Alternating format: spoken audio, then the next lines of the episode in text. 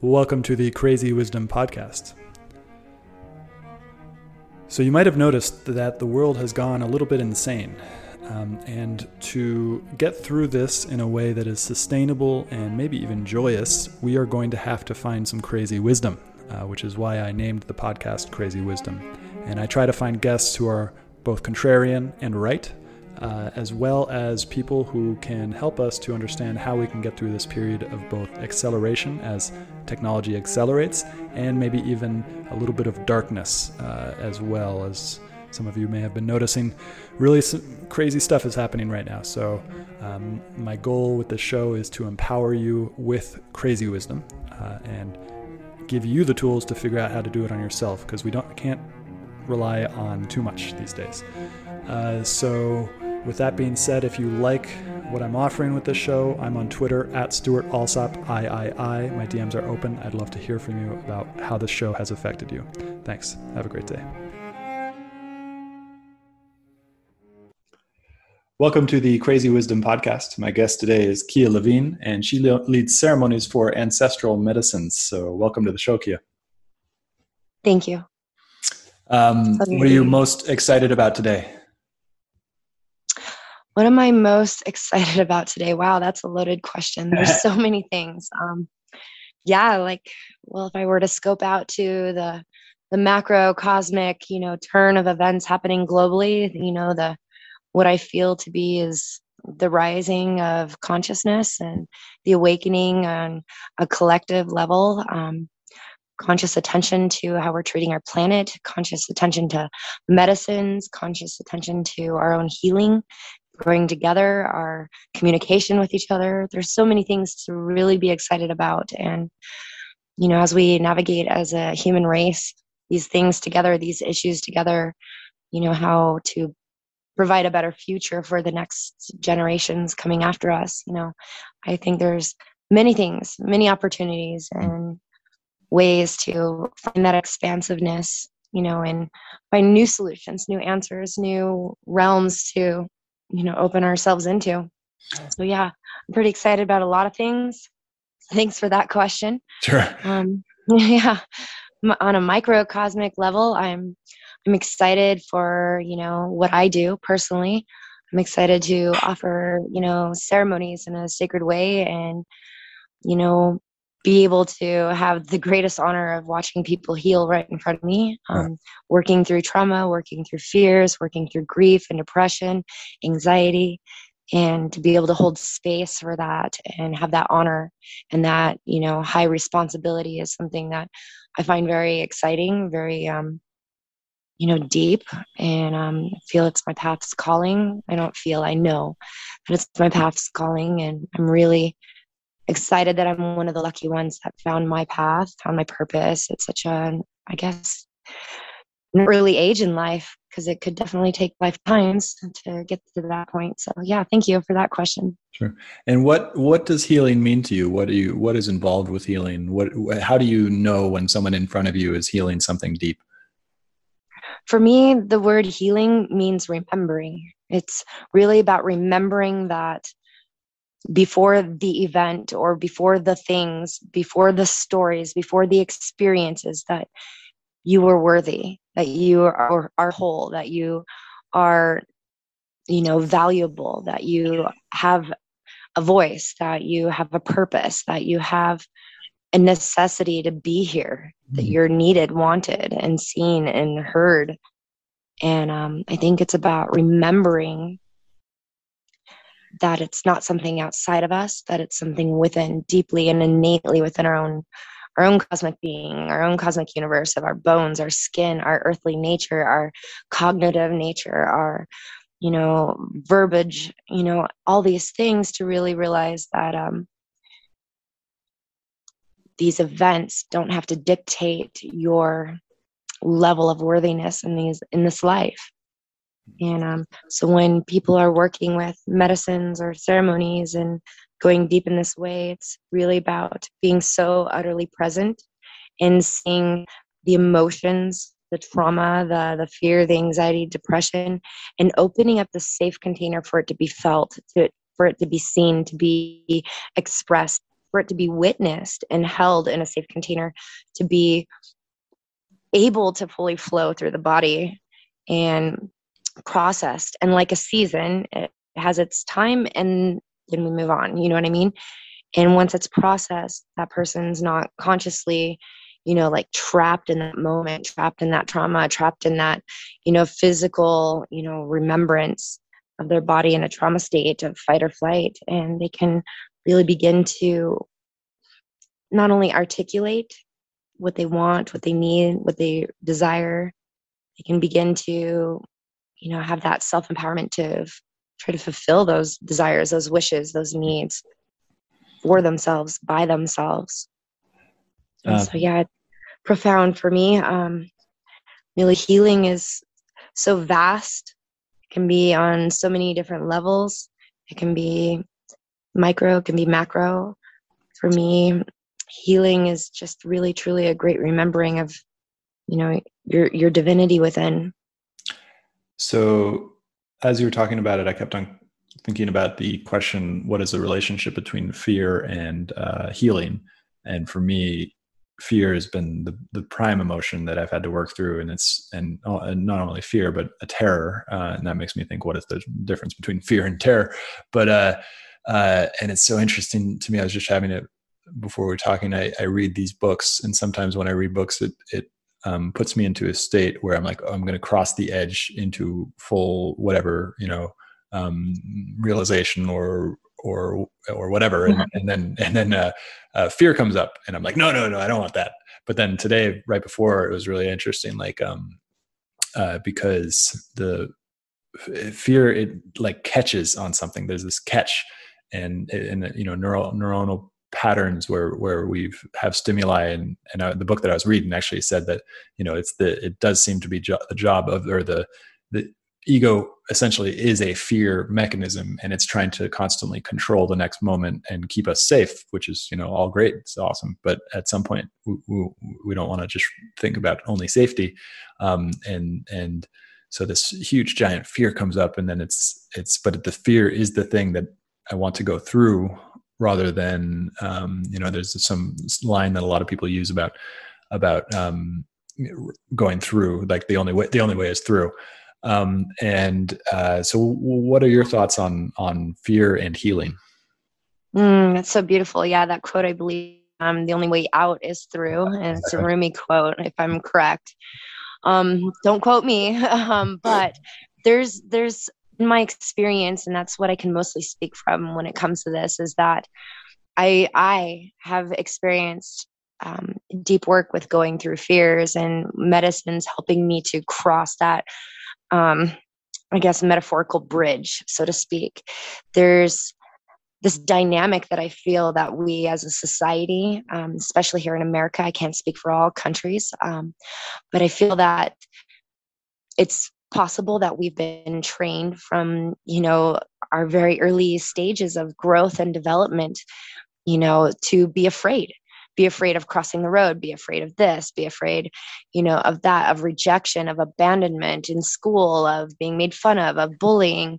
Um, we've been afraid of losing the love of our parents afraid of these things especially when you're talking about you know generations you know that are you coming from like the the 80s and 90s where divorce was starting to be really prevalent and broken homes and all those things you know the you know and riots and you know all i don't know there's so many things but if we're talking about fear it's really the ego's job right? The egoic mind i feel is designed to keep us alive it's designed to make sure that we survive at all costs when people are heavy into addictions of methamphetamines or you know other you know other um, drugs um, that are harmful, it literally eats holes in the brain, leaving to the brain to operate almost on an animalistic nature.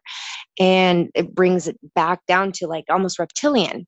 And if you watch and you study the patterns of, you know, heavy addicts, it's very much all about survival the survival of getting more drugs, of getting food, of shelter, of these very things, whether they're stealing or hurting or killing or murdering, you know, all these. And I'm not speaking for every, you know, addiction. I'm just speaking for, you know, this we're talking about with the egoic mind that it can be driven to points of operating on a very, very basic, like carnal kind of need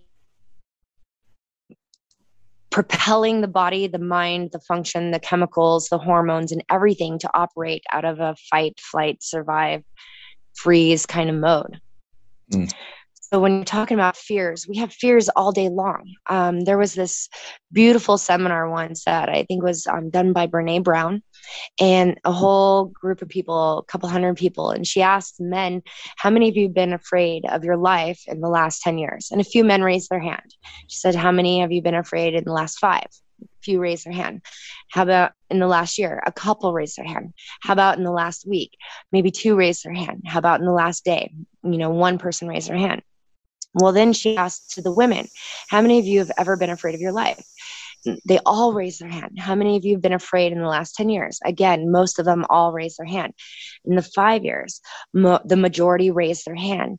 The last year, the majority still raised their hand. The last month, the majority still raised their hand. The last week, you know, there was still the majority that raised their hand. And there was a big study done on this that, like, designed from the beginning of their lives. You know, women are conditioned and taught, just like um, people of color are conditioned and taught to be afraid of these certain things. And to survive, we have to operate in these certain ways.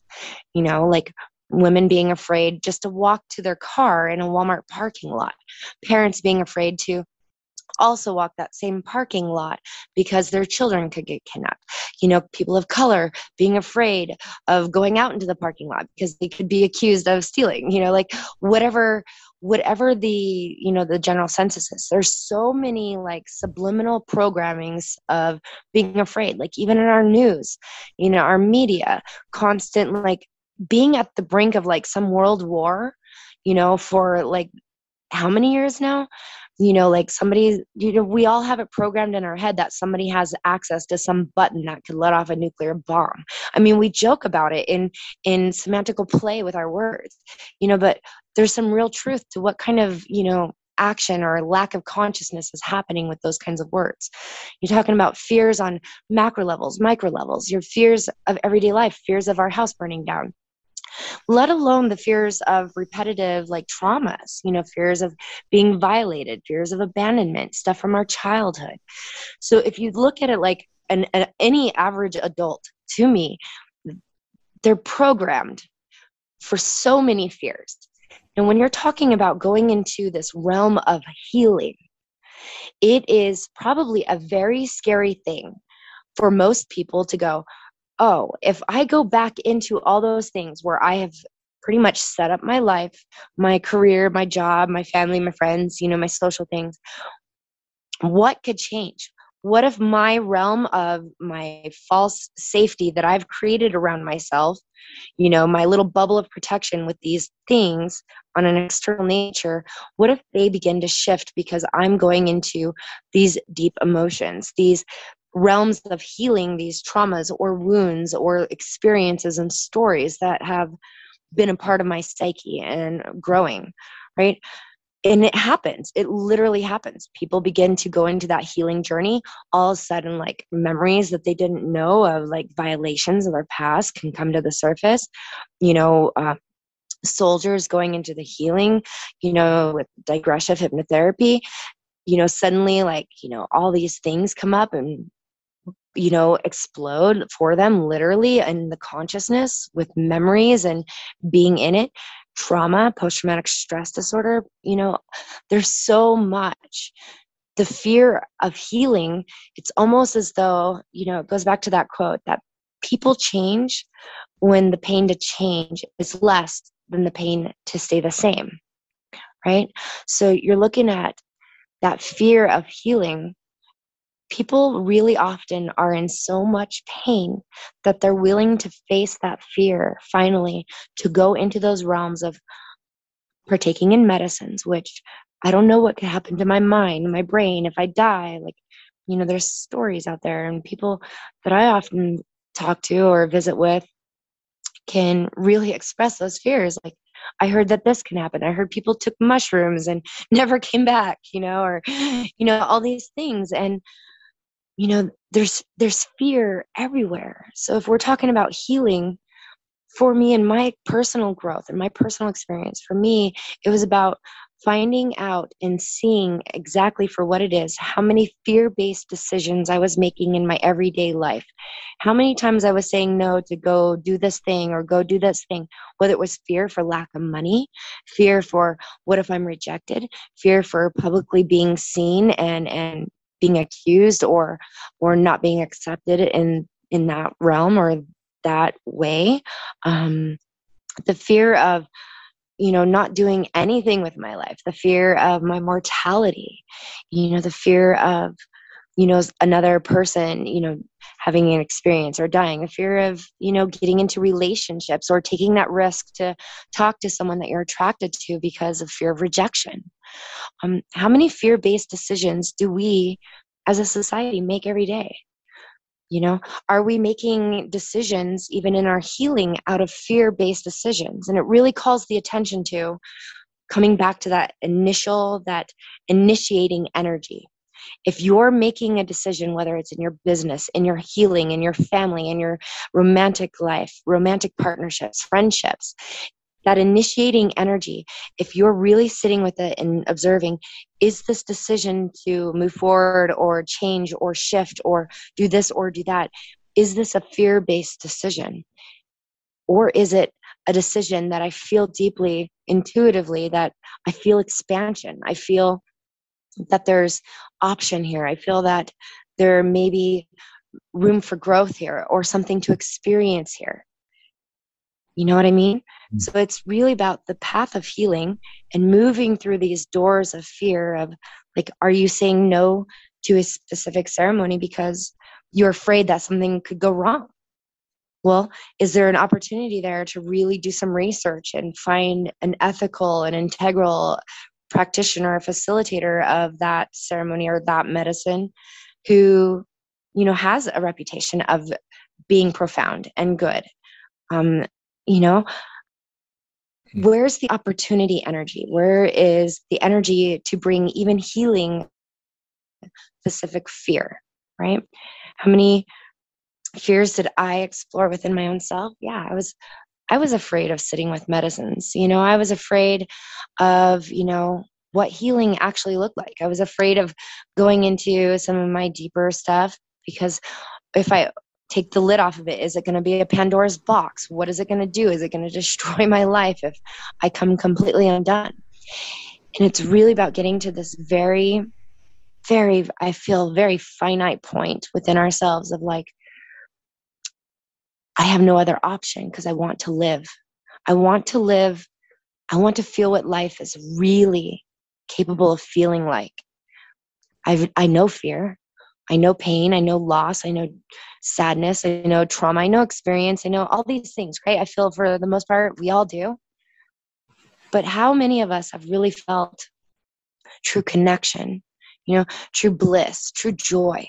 And I'm not talking like the visceral, like momentary, like points of it like oh wow that's the most incredible sunset and you're holding your hands with someone you love dearly like the mm-hmm. moments. I'm talking about what does that look like for us on a collective level with s- sustainability? What does you know life look like for a healed whole individual. What do they act like? What do they talk like? What will you speak like talk like think like feel like in your body even being healed? And is that something that you're willing to go forward through those fears of yeah things might be a wreck for a little while. Things might be a mess. Things might you know be unrest. I know that a lot of people when they awaken when they come to their own awakening quote unquote whatever you want to define that is is completely up to you but when they come to that their their entire social groups change their friends that they've known for years begin to fall away their social groups begin to fall away because they're beginning to come to an elevated state of consciousness an expanded state of aware- awareness where they're like, oh, that's really not serving me. I've kept this relationship in my life because of fear of moving forward, of fear of being alone. My, you know, my experience in watching people in their romantic partnerships, walking away from these things, finally having the courage to do so. They were afraid of you know the financial insecurities the being alone insecurities the the programmed stories of like i'm gonna be alone for the rest of my life if i leave this relationship. That which in itself you can define in many ways like codependency but what are the things that you're afraid of what is it that you're actually afraid of in your healing? You know i mean a lot of these things are so common. We can talk about them we can conceptualize them but the invitation here moving through feeling you know that that fear into feeling healing really it's that opportunity of like looking at that quote that we talk about so blatantly of we're not afraid of you know failure. We're afraid of our expanded power right? We're we're afraid of our unlimited capabilities our unlimited potential. So what does it feel like in the body? What does it viscerally feel like? And maybe to spur on the moment you know of curiosity of what does healing actually look like beyond that fear? Are you willing to take that risk that yeah you might be a shit show for a little bit or yeah you don't know what's going to happen with this medicine or in this ceremony or in the next one. It's really about looking at are you are you sick and tired of your, your life or or living in fear or living in hidden shadows of captivity in the realms that we can't even always see our blind spots? How many subconscious programming patterns do we still have and are operating out of because of our own lack of healing through our traumas our experiences our our fears so yeah i think fear and and healing have a very not only dichotomous but a very you know beautiful polarity with each other they're mirrors and invitations into what we can look at as what do you define healing to be for you Mm. What do you want? What do you really desire? General answer can be something like happiness, joy, bliss, you know, but what does it feel like? You know, what is what does it look like? What does that really mean? You know, mm. beyond a nice bathtub and rose petals and, you know, self care, you know, like what does it feel like? Mm. So yeah, I think um, it's a powerful question. It's very, very loaded. I could probably go on for hours about it, but mm-hmm. I guess just simplify it. Fear is the invitation. Uh, beautiful. Um, so, and this is kind of what I think a lot about is that, you know, in, in order to heal, we need to transform because we have a false identification with uh, a pers- persona or a psyche or an ego. We have this false persona or false identification with it because that's not who we really are. Because that goes away. You know, the thing there's the eternal aspect to our, to us and that part of us that witness that perceiver is always there. It was it was there before our mind uh, came to fruition. It will um, maybe be there after we die. Well you know it's like all of creation all of existence is where our there's a fundamental part of us that's part of that. And this ego is just like a somewhat almost an illusion that is that is um, trying to help us survive in this animal world. But I, I, you know i've found in my own life that that identification with that animal is like it's a it's a it's a virtual machine that isn't real because um, whenever i try to find it whenever i inquire into it it it, it basically dissolves and I, it, I can't i can't put a finger on it, i can't hold it in my in my head um, and so there's transformation from that false identification into something else but the thing about transformation is that we never know where the trans- transformation will end up. As you mentioned, there's there's this um, we're basically like that the fear of what might happen of becoming a mess and and and I've experienced that in my life where um, where it's just like I, I pick this one thing where I'm like okay I'm gonna I'm gonna heal that thing but then it turns out that thing wasn't the thing that I was healing. It's this entire the entire matrix structure of the of the ego. Mm-hmm. It's like how do I how do I look into it and dissolve that whole thing? And and if I if I do dissolve that thing,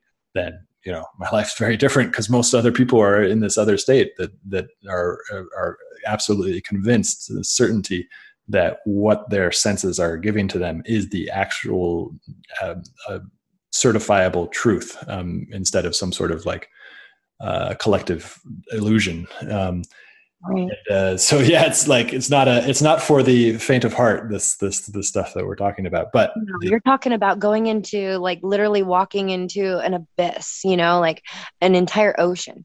And if you really want to break it down, like I feel a lot of us as human beings coming from an the ego center not you know that un, that place that we can't really pinpoint but we're trying to understand. We're trying to label that is that is what the ego does. It tries to classify label understand. It tries to know so that it can have a preface of understanding what this thing is so it can then operate and navigate. But when you're talking about healing and coming back to who we really are remembering our divinity our our you know our expanded state of consciousness our our visceral like you know eternal kind of capacity it's beyond our own understanding in this mind. So even it's all it's all folly. It's all this invitation to try to understand something that we can never ever put a label on. And even if we did for our own lives which is the best that we can do it won't apply to everyone else. It will never apply for all of us. And that's where i think collectively we're going wrong. We're trying to find these very very you know label like classification answers for these very beautiful and infinite and such expansive questions right? What is healing? Healing to me may be completely different to healing for someone who's coming off the street as a drug addict.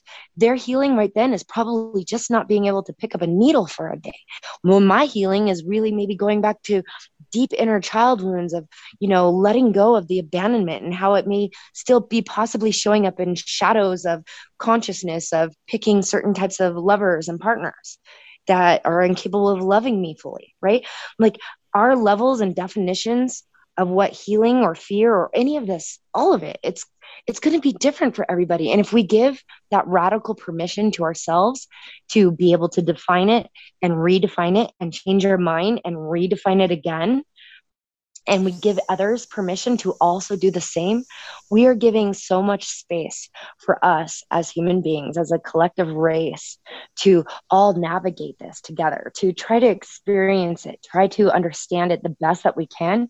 Because maybe the whole truth comes down to like, really, when we are going in through that fear, maybe the fear is that there is no explanation for any of it. Mm-hmm. Maybe it's so beyond magical and and and and all conceptualization that that we're afraid of what is that?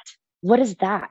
Like maybe we get glimpses and moments of it with the aid of medicines or with you know that that post you know deep healing you know therapeutic work or our own self journeys of moving through great you know pain and loss and we come you know just like birth and labor going through all of that. And then you have this beautiful human being and like you know, from my own experience, like there's, it was so magical holding my newborn son, you know, for the first time. And, and, you know, like I could see everyone I loved in him, like, but all the pain and the, and the struggle of labor and everything that happened before that, that was, I was scared. I was afraid, you know, and I did not know what was going to happen.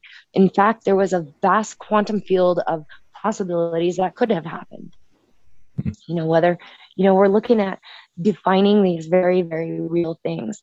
What is fear for you? Like what is what is your it's really about being so so fucking present that you're so authentic of what is my fear right now and how can I walk through that fear for the next right thing to go towards this illusionary hallway of healing, right? What is healing really? But this great big hall of like not being in pain, not being in suffering, it's this it's this illusionary word to me that we label onto feeling free. Mm. If we could redefine that word even, you know, of like what is healing to me it's i've redefined it as remembering remembering my wholeness remembering my uni- uniqueness remembering my creativity remembering my sexuality remembering my you know my primal nature remembering not to be so esoteric that i'm forgetting to live this divine human experience right now and feeling my flesh and my bone and you know all the things maybe it's not con- trying to conceptualize everything but being in this place getting into that that subtle place of not being able to conceptualize anything letting it all go, letting all definition, all order, all labeling, all, you know, entrapment go. Right. And yeah. so it reminds me of well, one thing about having an explanation and maybe that there is no explanation is something that's so fascinating for me because you know over the past hundred years I was I asked this question online the other day um, you know, it seems as if there's there's a lot of universals that we can look to in human um, tribes and hunter gatherer tribes, and and there are some things that are you know totally different for each tribe, the way they view the myth creation story, or uh, the way they view roles of men and women, or all these different things. And there's some universals. So like a universal would be example is dance or um, singing, or you know they're just universal to every tribe.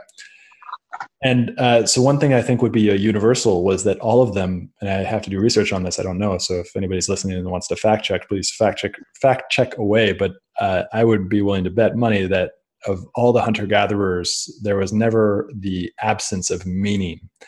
Um, so there was always the sense of meaning that there was a kind of we had this order to life, and it was you know maybe various gods that, but you know we're in we're in nature, and that there's this vast meaning to our existence. And then mm-hmm. in the 1900s, mm-hmm. uh, and thanks to science like the acid of science, um, and and particularly acid of evolution uh, and the acid of of of, um, of uh, mathematics explaining the motion of the stars that had no divine, seemingly no divine nature. Um, and so it all kind of collapsed and like then war and world war ii and world war ii essentially like just slaughtered millions of people and, and just this depravity and that there and and so nihilism came about and this just sense that none of it matters um, and uh, which is something that we still are working through today. I know I had to work through it in my own life of just like how what is this this existence is just so strange. Like I've been born into this world. It seems like I have no um, I have no uh, say in that, you know, but there's always there's always debates there. But uh, um, and and just there's this world of suffering, and I'm suffering, and everyone else is suffering. Nobody knows what the hell is going on, and and, and but and then there's this existential fear that maybe those nihilists are right, that maybe there is nothing there, maybe there is no meaning, um, mm. and uh, and it reminds me of, of this. There's this excellent series on YouTube called "Awakening from the Meaning Crisis," and uh, in it he talks he goes through all the philosophers the last couple thousand years and, and tries to string together where we are. How how did we get to this meaning crisis and how can we awake for, uh, from it? And uh, and so one thing he talks about is the difference between being needs and having needs. And so like we all need to have things in order to survive. We need we need to have we have water we have food we have sex we have all these different things.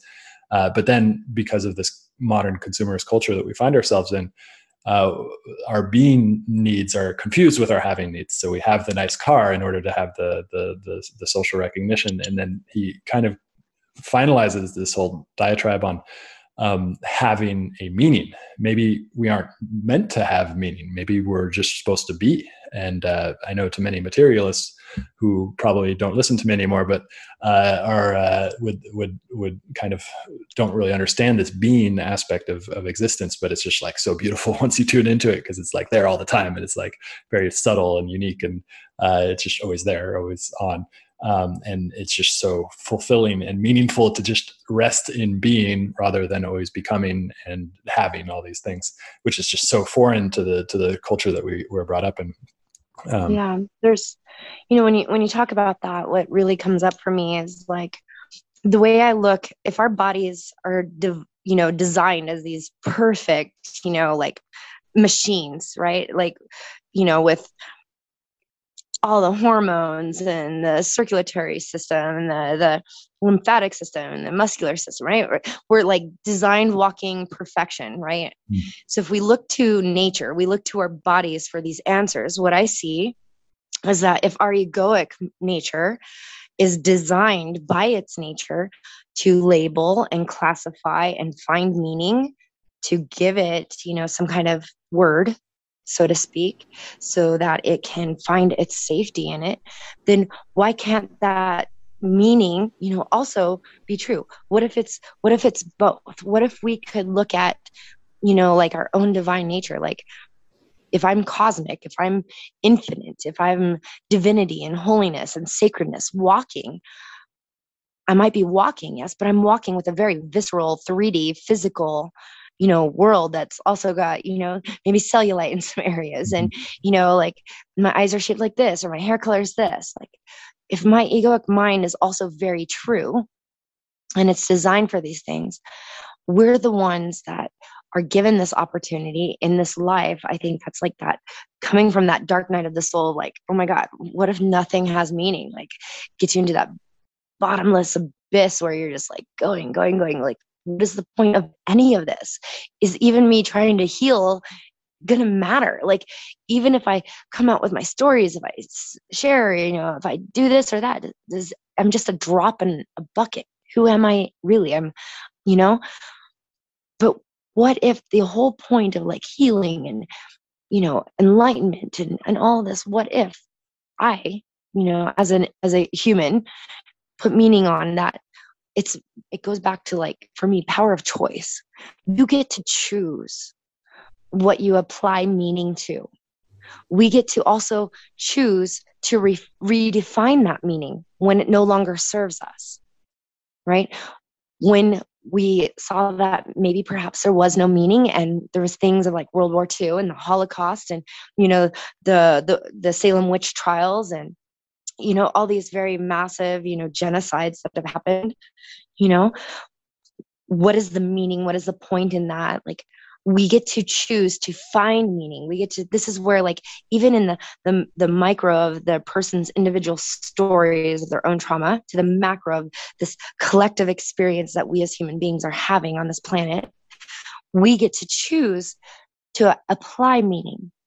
You know what is the milky way to you? What is you know what is the meaning of you know these holocausts for me i can extract my own meaning from that to me it shows like you know very carnal nature and the the seeking of power can be deadly you know I mm. get to extract my meaning for my life and apply it. And how I apply it today may not be the same when I'm 80.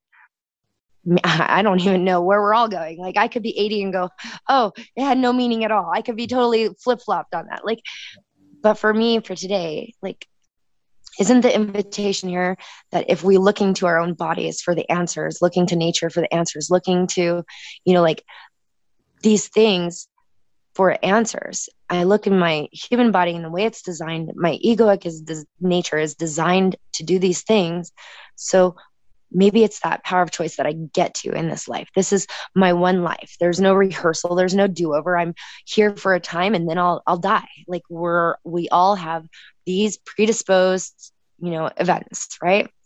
We breathe, we're, born, we breathe, we die.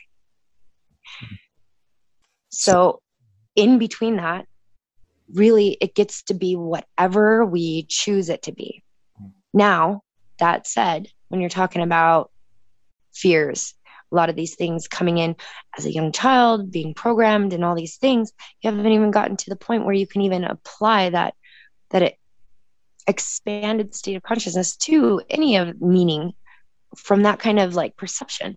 You're still coming from a perception of wounds and and hurts and trials and tribulations that have altered the story of what it could be the potential of what you could be what you could be needing or could be being needing you know mm. and so yeah i think it's really like this invitation to look at you know maybe there's more than one answer for all of this more maybe we we get to define the answer maybe it's not outside or external but that's also or, there also yeah. seems to be a difficulty there as well because going back to that hunter gatherer kind of um, strung together by shared systems of meaning that were infallible and certain uh, and then that all gets just destroyed and now we're here in the us and it's very kind of our individualistic culture that I actually very appreciate a lot of aspects of it and and and vibe with. Uh, but at the same time, the if we only define our own meaning in these in these ways, it can be somewhat uh, lonely because uh, trying to find other people who also share the meaning. But maybe again, that's confusing the being and the having modes, and maybe we don't need to have shared meaning with other people, but maybe we just need to, or uh, would most uh, in a very well-being but, sort of way. But isn't that but isn't that the whole point of relationship is is exploring your meaning and sharing that meaning with another person and finding shared meaning finding shared purpose finding shared passions mm. finding you know also your individuality with each other like it's really about like i think that yeah like like growing up with lakota uh, with the lakota traditions like you know i'm coming from a very like you know indigenous culture that has taught like you know the color red means this and you do this with it and that with it. There's so many rituals and ways to do things. That everything has a specific meaning and you know the, my teachers will sit and they'll talk for hours and the extrapolated meaning or the assigned meaning to that thing. Yes. And i've watched people you know that have not had those teachings where you know do this have the color red or have a red cloth and completely have no no clue. But did that make them lesser you know worthy or lesser important because they don't know that meaning? Means that maybe they just haven't gotten there yet. And that whole point of the relationship that opportunity for us all is to really just share hey you know what i heard? or hey you know what i've experienced you know are you open to that and sharing our meaning sharing our assigned meaning sharing our wisdom like mm like the indigenous cultures have done with all of us, you know, and we're so lucky to receive. Hmm. I would love to understand more about that, more about growing up in, in that and, and how that uh, kind of uh, merged into what you do as well. But then there's kind of one last point, which is, well, for, for me, so it's like, um, I, I deeply respect indigenous cultures, um, but I didn't grow up in one. And I, I, I uh, uh, grew up in this very rationalistic Western scientific mind frame. And that's the thing that I got indoctrinated into and i love it i love i love parts of it i love the the skepticism and i love the the inquiry and the the holding back mm-hmm. belief and um, but but then all that got just just torn apart in the last year uh, according from my mm-hmm. understanding with with covid um, and and it turned out that we aren't that far away from um, dogmatic belief that as as I was led to believe by my inquiries and as a child and, and by the discussions I was having with my people who were like me. Um, but uh but yeah it's like i it's for me i'm really interested in indigenous cultures and what they have to offer um but at the same time i don't want to go back um and like there's this sense of right. Progress where it's like uh where we did figure some stuff out with this western western understanding like this idea of the individual of the of, of an individuation of, of of this thing comes from from the western enlightenment tradition of humanism and secularism where where it's like that each individual has their own autonomy and sovereignty. And it's like that doesn't exist in thailand like where i lived for for two years. It's like uh, the the individual is completely subsumed into the into the into the collective and has no no real doesn't have the same rights i mean obviously there are there are rights in thailand um, but just not to the same extent, not into the cultural complex. And it's like, so it's for me, it's an interesting tension. And maybe we can ask uh, ask you about what it was like to live, uh, grow up with this tradition, and and and maybe some insight into what I just said. Yeah. So it's really so there's a Paiute elder here in my current community that I work with a little bit, and he's an amazing man. And he says he likes to teach this one thing that it's really about remembering that we, this generation, are the ancestors of the next seven generations. Mm. There's a sacredness to the teaching that there's seven nations, there's seven generations, there's you know this lapse of time just like and you'll see similarities in different cultures like i work with the maya and the aztec cultures them too there's calendars of time these fields of measured time that are a rise and fall. An inhale and exhale. With lakota there's a time frames that is measured that is often referred to as the the seven generations. The seven generations is this time of you know basically from you know mother father to child mother father to child mother father to child seven generations of human beings being born. And in that seven generations there's all kinds of things that unfold prophecies and things of that nature. And when i talk to you know lakota elders and when i sit with the elders and um, you know i just spent the last six months down in south america working with mayan elders and I'm also, you know, part of the Moon Dancers. I'm working with Aztec elders and, you know, being blessed to have, you know, such a rich thick history of teachings from very indigenous cultures, very, um, I want to say, ancient, you know, rites of passage, ancient practices, ancient rituals, beliefs, um, things. You know, when I listen to that elder's words that we are the next seven generations, it's really like came back, he taught like it's about the old energies are dying and really understanding that even though we're just now beginning to extrapolate a lot of this wisdom a lot of the indigenous wisdom from these cultures is now being shared more publicly because we have internet because we're speaking about it because we have a little bit more autonomy. And i'm not saying every culture does yet um, but for us here in the western culture we do. We have this opportunity you know to really extract a lot of this wisdom to be taught to learn to research to to seek out teachers to be guided right? And i really feel it falls there falls this deep innate responsibility that as we begin to learn and find that balance of you know one not culturally appropriating but two honoring those ancient indigenous teachings the tribes. Um, i've worked with several tribes. They every one of them they differ a little bit just like dialects in, in many different cultures. Like they'll you know there's there's many different dialects to spanish. There's you know many ways to speak you know you know portuguese. And so when we're, we're talking about the language that's coming out the teachings that's coming out from these indigenous cultures instead of just taking it on and moving forward with what we've been taught, we as a culture have almost a responsibility to look at what is no longer serving us out of that. What is still slightly dogmatic? What still opens up, you know, doorways of fear, of operating out of fear based decisions? We are shifting in consciousness on a collective level now. We are shifting the energies. We are raising up. And I believe that really starts when we begin to ask questions. Well, mm-hmm. why? Why do we only mm-hmm. sing this song? Or why do we do this dance? You know? You know? I, I, oh, I sound like I have a little bit of feedback. But when we begin to mm-hmm. ask these questions, then we take on the responsibility of how do we want to show up in the future? What is coming with us from quote unquote like new age talk the old world into the new earth. And i mean that in a way of understanding that the new earth is right now. It's not some separate distance place. We're creating it. We're creating it as we continue to grow in our consciousness continue to ask questions continue to try to make more conscious decisions you know more decisions that are you know based out of love and compassion and empathy and sympathy rather than fear based decisions. I hope you enjoyed this episode with Kaya Levine. Towards the end of our conversation, we experienced some internet outages. So I'm just letting you guys know that we had a great episode and I hope you enjoyed it. And if you did, uh, please find us on Twitter at Stewart Alsop, III, or subscribing to Crazy Wisdom on iTunes or Spotify uh, so you can find more episodes like this.